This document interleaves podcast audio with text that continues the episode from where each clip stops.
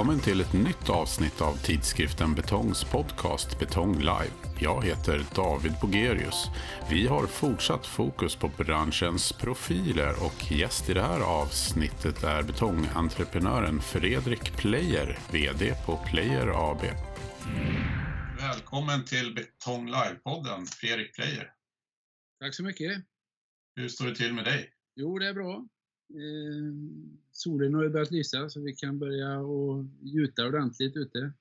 Ja. När det gäller mönsterbetongen och detta. Och du har väl fullt upp, gissar jag? Ja, det har jag verkligen. Eh, det, är väl egentligen fullbelagt eh, en bit in efter semestern. Ja. jag är jätteglad att du tar dig tid till Betong Live-podden.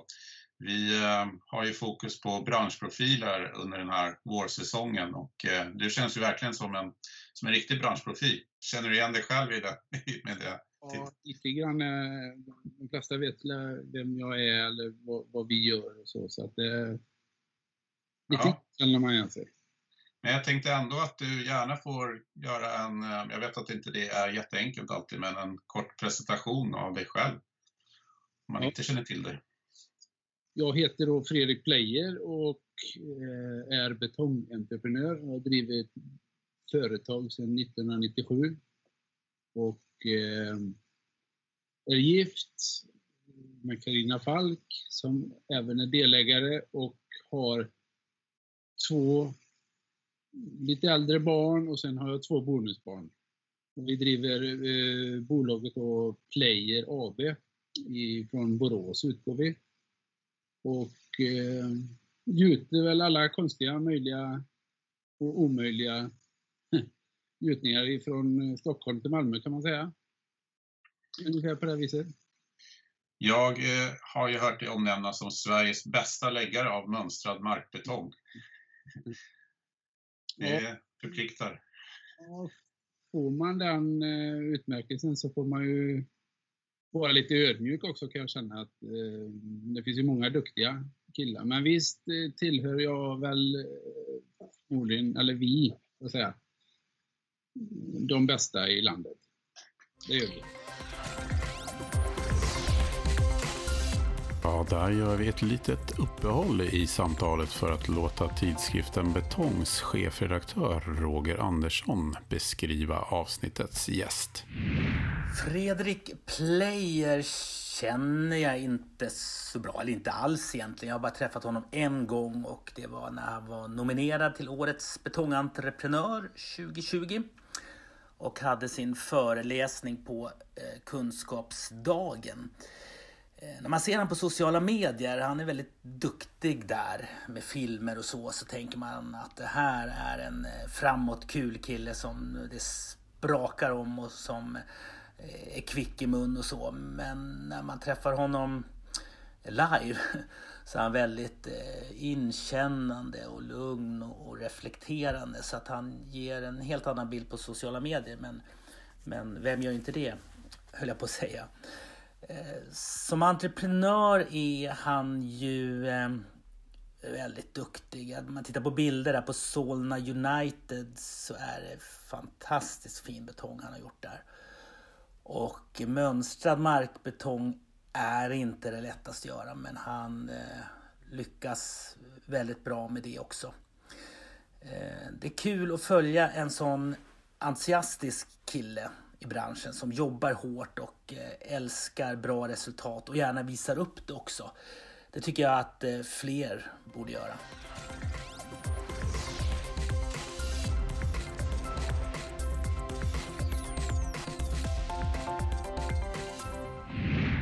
Var ju nominerad till Betonggalans pris Årets betongentreprenör. Eh, kanske den kategorin där det var hårdast konkurrens. Det var ju fem nomineringar och eh, föll på målsnöret där. Var det en besvikelse? Ja, jag vet ju inte hur folket röstade där. Man fick ju bara reda på, på vem som vann egentligen och eh, man vet inte hur det andra gick. Vi andra blev tvåa allihopa tänker jag, men men man skulle ju vilja veta hur det, hur det gick i, i själva verket. Eh, det var ju lite synd, men det var ju ändå, eh, vad ska man säga, all... Eh, jag var inställsam på att det är duktiga konkurrenter eller kollegor som, som deltog också, så att det kunde ju gå hur som helst. Eh, jag vet att det var någon från juryn som tyckte att du borde ha fått ett pris ändå som årets marknadsförare. ja. Har du någon aning om hur det, hur det kan komma sig? Ja, vi syns ju på sociala medier, det gör vi. Och vi, folk, folk tycker om det vi gör. Och, um, de, de, de, gillar våra inlägg och, och, när jag förklarar hur vi gjuter och hur vi inte gör och hur, hur det lutar och vad vi har tänkt på. Och de tycker det är jättekul att följa och så blir det ju snyggt så, och det är, folk vill ha under, underhållsfritt och, och sådär. Så att det är många som är jätteintresserade. Mm. Nej, men, eh, jag kan verkligen rekommendera att följa grejer på sociala medier. Och hur kom ni igång med det, att lägga tid på sociala medier? Ja, det var i första hand min fru som, som, som drog igång ett Instagramkonto Instagram-konto och sen har jag också genom min fru startat upp eh, mitt LinkedIn-konto. Då. Och sen har jag fortsatt med det och eh, märkt att det bara dräller in följare och, och, och sen har jag ju kört på med det då. Mm. Eh, Instagram-kontot det växer ju för varje dag. Så det är kul. För branschen är ju ganska ojämn får man väl säga där. Alltså, det är ju en väldig skillnad på hur företag använder sociala medier. Ja. Men... Ja, det, det, är ju helt fantastiskt att jobba med det. Och det man märker ju att, att och kommer vi upp till Strömstad och ska gjuta så är det för att de har sett många gånger oss på nätet. Då. Mm. Så att det är ja. jättebra. Många kanske underskattar det där. Ja, det tror jag. Absolut. Sen när det gäller just mönsterbetong som är hetast just nu då, det, då, tar, då, då, får vi så mycket förfrågningar och därmed arbeten så att eh, då får man ta dem i tur och ordning helt enkelt. Och vill de, vill de ha oss så får de vänta på sin tur. Helt, eller, eller, eller jag menar, det kan vara någon som är före i kön och så regnar det på den orten men då får man åka till någon annan ort och gjuta. Mm. Så så jobbar vi. Och med kösystem helt enkelt. I nomineringen då, Årets betongentreprenör, det var ju en motivering till de olika nominerade och i din nominering så stod det ju bland annat att du har en betongig eh, personlighet. ja. Eh, det är inte så att jag går och tvättar mig när jag lägger ut en, en, ehm, ett inlägg på, på LinkedIn eller Instagram, utan jag spelar in som det är och i, i verkligheten. Och det är det folk vill se också. Och det, man hinner inte att eh, i synnerhet med mönsterbetong, där går det undan och man hinner inte att stå och göra flera tagningar, utan det är one shot och så är det rätt i betongen och så lägger man ut det helt enkelt. Är det det som är det roliga med att jobba med mönsterbetong? Ja, det är... Gjuter vi till exempel din yta idag och så gjuter vi din grannes imorgon så är det inte ens samma förutsättningar imorgon som det är idag. Nej. Och det har ju med luftfuktighet, eh, vind, sol. Eh, nu är det väldigt torrt eh, ute så nu kan man ju tro då att vi behöver vänta, alltså jag säga, att det kommer fortare och så. Och det gör det ju i ytan på betongen, men vi får ju då lägger vi på accelerator till exempel som gör att det kommer från rätt håll. Då är det många som ifrågasätter hur kan ni ha accelerator när det är 20 grader varmt ute, men det är då man får till det i ytan, för annars torkar den för fort i ytan så att säga. Mm. Du, du, betongiga, betongiga sättet, det är väl att man spelar in direkt ifrån eh, plats och så lägger man det hur skiten och betongig man än är. Mm. Du har ju bland annat jobbat med Hisingsbron i Göteborg. Jajamän. Kan du berätta lite om det? Det är ju ett spännande projekt. Där har vi där har jag en gammal beställare som, som tycker om våra arbeten som, som och det hela började med att det skulle, skulle gjutas inne i brofundamenten. Eh, färdig, alltså stålslipade färdiga ytor som, som ska vara snygga och fina. Då fick vi det uppdraget och det är med betong med luft i och då får man ju passa sig när man ska göra sådana ytor. Eh, sen eh, var det också 11-1200 kvadratmeter markbetong utvändigt som skulle borstas.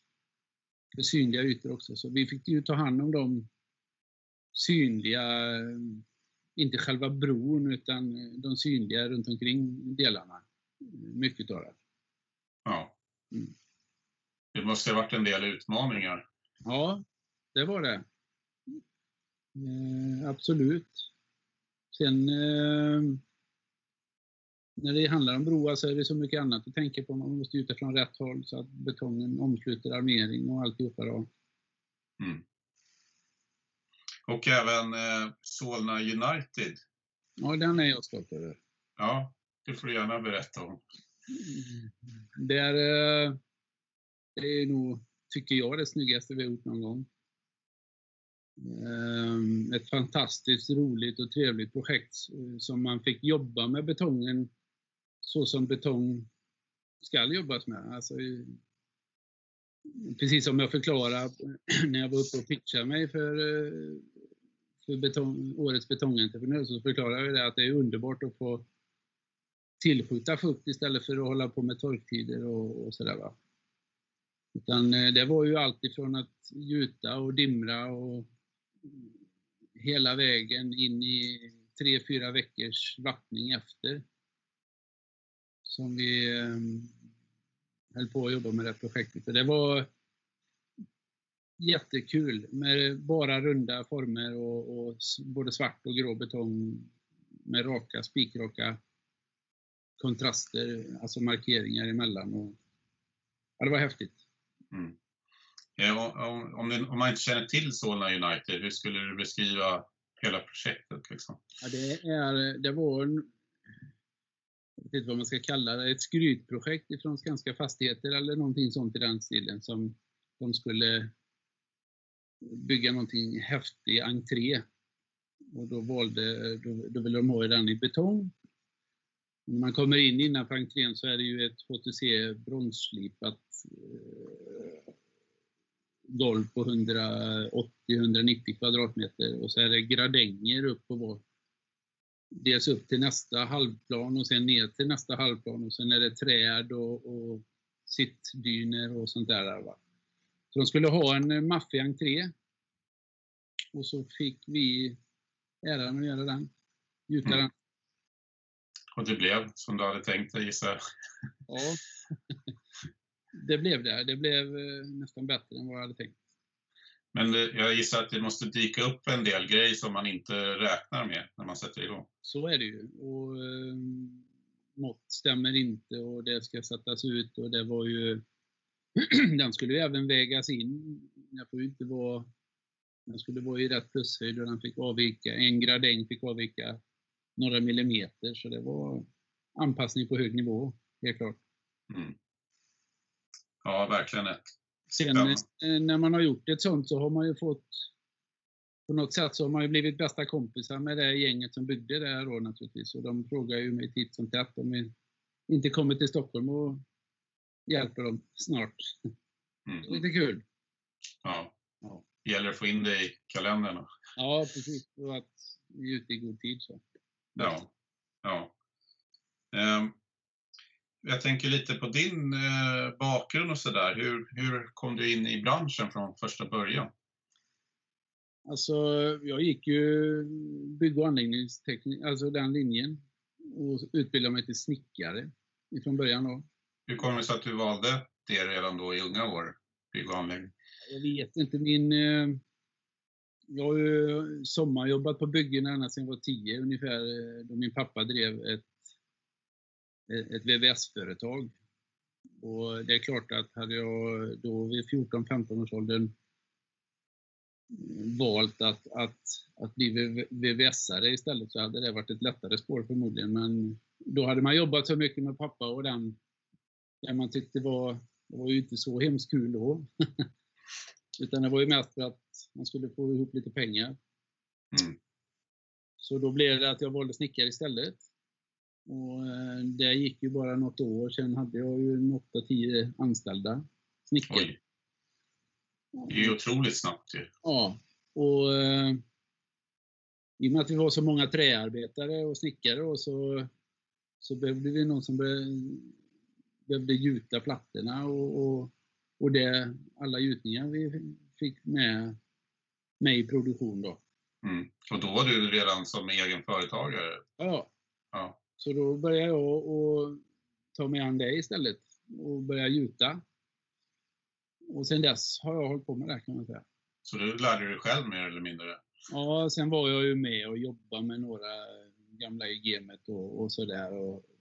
Så började det väl och, och sen eh,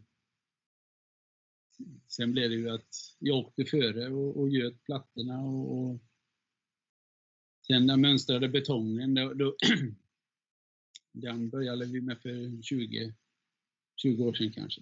Ja. 15-20 år sedan. Men hur kom det sig att du startade upp eget så tidigt då? För det måste man ju ändå säga att det var. Ja, jag var 25. Mm. Eh, nej, vad ska jag säga? Jag fick jättemånga erbjudanden om att... De tyckte att jag...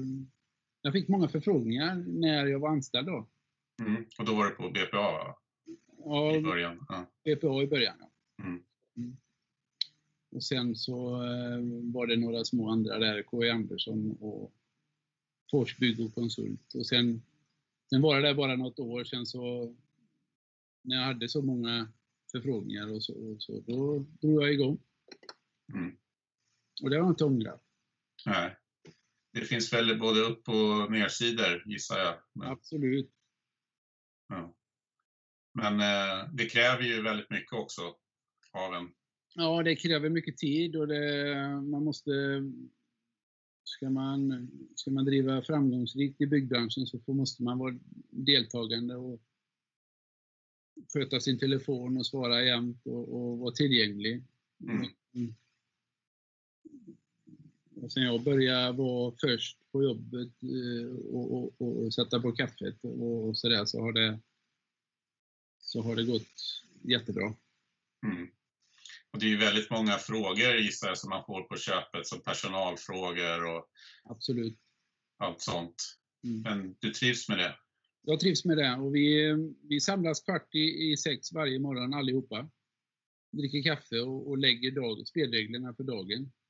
Mm. Det är, och så dricker vi den koppen kaffe och så drar vi ut och jobbar på varsitt håll. Och alla vet vad alla gör och det har varit en, en framgång faktiskt.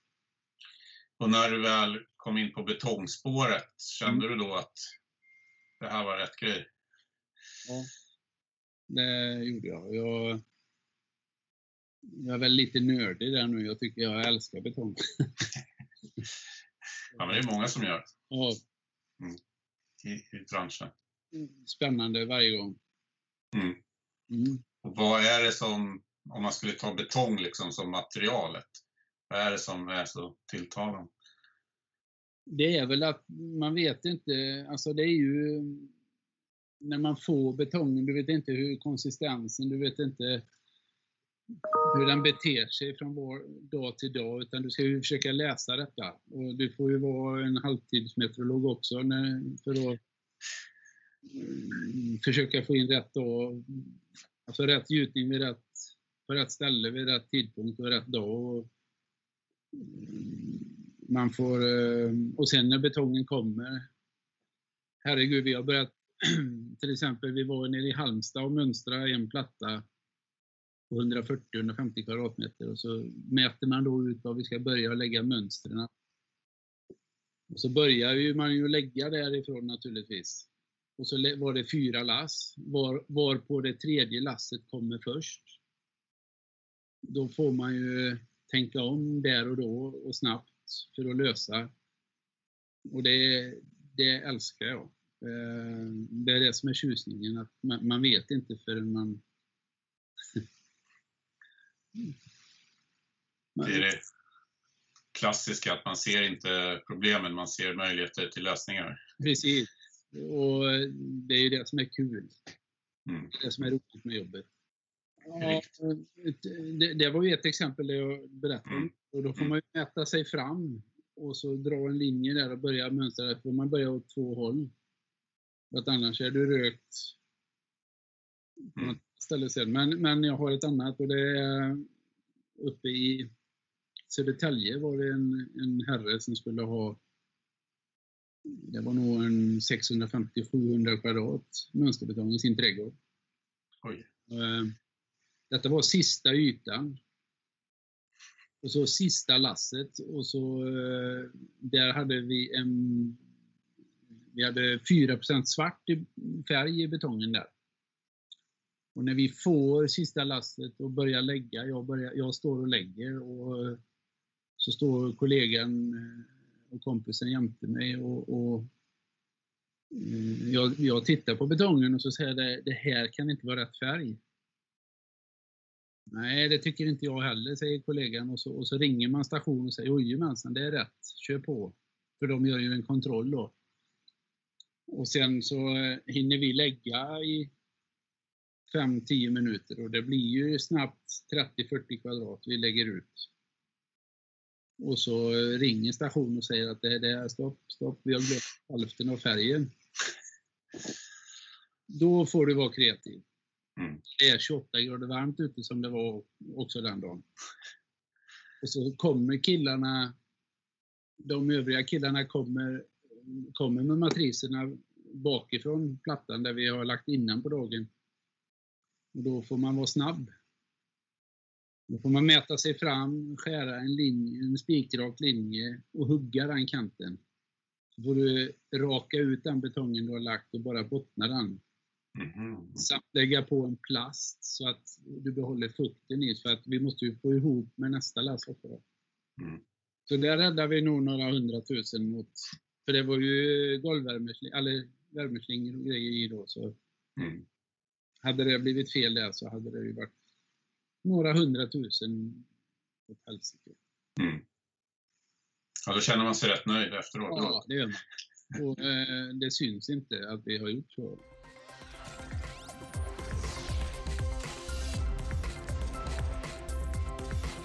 Betong Live med Fredrik Player. Men eh, man hör ju att du har väldigt engagemang och tycker om ditt jobb. Och finns det en risk då att man mer eller mindre jobbar hela tiden? Ja, det finns det helt klart. Mm. Jag jobbar väldigt mycket. Men eh, an- kan du på något sätt stänga av? Ja, jag har också förmågan att eh, kunna stänga, eller jag kan stänga av helt och hållet faktiskt, men då måste jag då måste jag nästan lämna Borås. då funkar det. Ja, ja. Så, visst kan jag stänga av och det kan vara hur hetsigt som helst, bara vi åker på någon slags semester, jag och frun och barnen kanske, eller något sånt där. Så då kan jag stänga av helt och hållet. Men jag, jag har svårt för att stänga av om jag är hemma. Mm. Så är det. Vad gör du då när du inte jobbar den tiden? Ja. Förr eh, skulle jag ju svara att då reser vi. Mm. Eh, och i och med att vi inte kan, eh, kan resa nu så, så, så blir det ju att man får hitta på, det är väl att gå promenader, motionera och träna. I princip. Mm. Umgås med familjen. Ja, men det är väl viktigt också för att kunna göra ett bra jobb att man ja, inte bara jobbar helt enkelt. Nej. Håller, håller sig i form mentalt och fysiskt. I de här pandemitiderna så har man väl sett varenda på nätterna då när man inte jobbar eller på att säga, och då har man sett varenda Netflix-serie nu snart. Mm. ja. Eh, Om man ska bara avslutningsvis skulle titta till be- betongbranschen då. Vad ser du som eh, branschens största utmaningar? det är väl att få det klimatneutralt och, och hinna med det i rätt tid och sådär. Betongverken gör ju jättestora framsteg, helt klart. Och, eh,